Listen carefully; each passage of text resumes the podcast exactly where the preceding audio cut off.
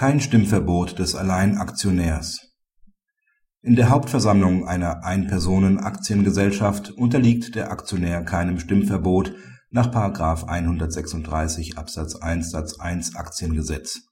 Dies gilt auch, wenn Beschluss über die Abberufung eines besonderen Vertreters nach § 147 Absatz 2 Absatz 1 Aktiengesetz gefasst wird im Juni 2007 bestellte die Hauptversammlung der Bayerischen Hypo und Vereinsbank AG (HVB) gemäß § 147 Absatz 2 Aktiengesetz einen besonderen Vertreter, der angebliche Schadensersatzansprüche der HVB gegen ihre damalige Mehrheits und jetzige Alleinaktionärin Unicredit geltend machen sollte.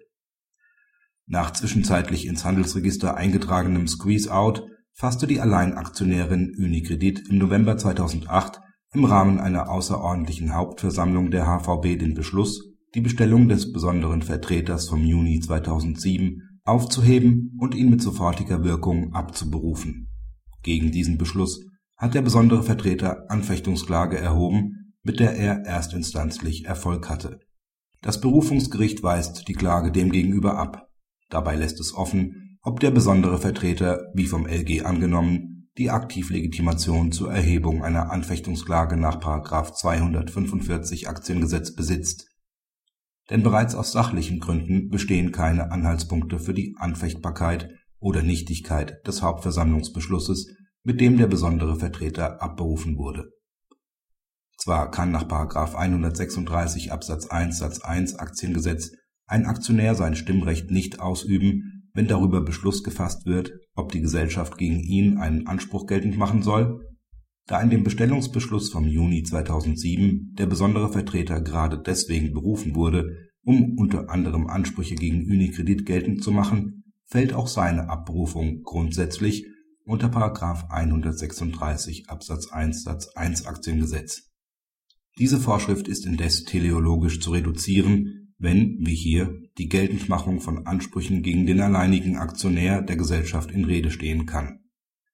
Durch § 136 Absatz 1 Satz 1 Aktiengesetz sollen Interessenkollisionen verhindert werden. Kein Aktionär soll Richter in eigener Sache sein. Wird aber der Gesellschaftswille allein durch einen Alleinaktionär gebildet und bedarf es damit keines Schutzes anderer Gesellschafter besteht kein Grund, den Alleinaktionär von der Stimmrechtsausübung auszuschließen. Ein anderes Ergebnis ergibt sich auch nicht aus der Stellung des Klägers als besonderer Vertreter nach § 147 Absatz 2 Satz 1 Aktiengesetz. Als solcher wurde der Kläger von der Hauptversammlung bestellt. Die Hauptversammlung kann ihn jederzeit, auch vor Beendigung seiner Tätigkeit, abberufen, ohne dass es eines besonderen oder wichtigen Grundes bedarf. Praxishinweis das Stimmverbot nach § 136 Absatz 1 Satz 1 Aktiengesetz soll bei Interessenkonflikten einzelner Aktionäre lediglich das Interesse der Mitaktionäre schützen. Fehlt es, wie nach dem Wirksamwerden eines Squeeze-out, an solchen Mitaktionären, lässt sich auch ein Stimmverbot des Alleinaktionärs nicht mehr legitimieren. Wäre es diesem verwehrt, einen einmal bestellten besonderen Vertreter wieder abzuberufen so bestünde zum einen die Gefahr einer Lähmung der Gesellschaft, die sich selbst gegenüber Pflichtverstößen des besonderen Vertreters kaum zur Wehr setzen könnte. Zum anderen wäre aber auch den ehemaligen, durch Squeeze-out ausgeschlossenen Minderheitsaktionären nicht geholfen. Denn etwa vom besonderen Vertreter geltend gemachte Ansprüche kämen dem Gesellschaftsvermögen zugute, an dem die Minderheitsaktionäre gar nicht mehr beteiligt sind.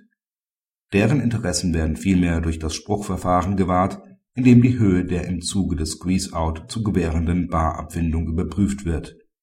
Dabei hat das zuständige Gericht auch etwa bestehende Ansprüche der Gesellschaft gegenüber dem früheren Mehrheits und jetzigen Alleinaktionär von Amts wegen zu ermitteln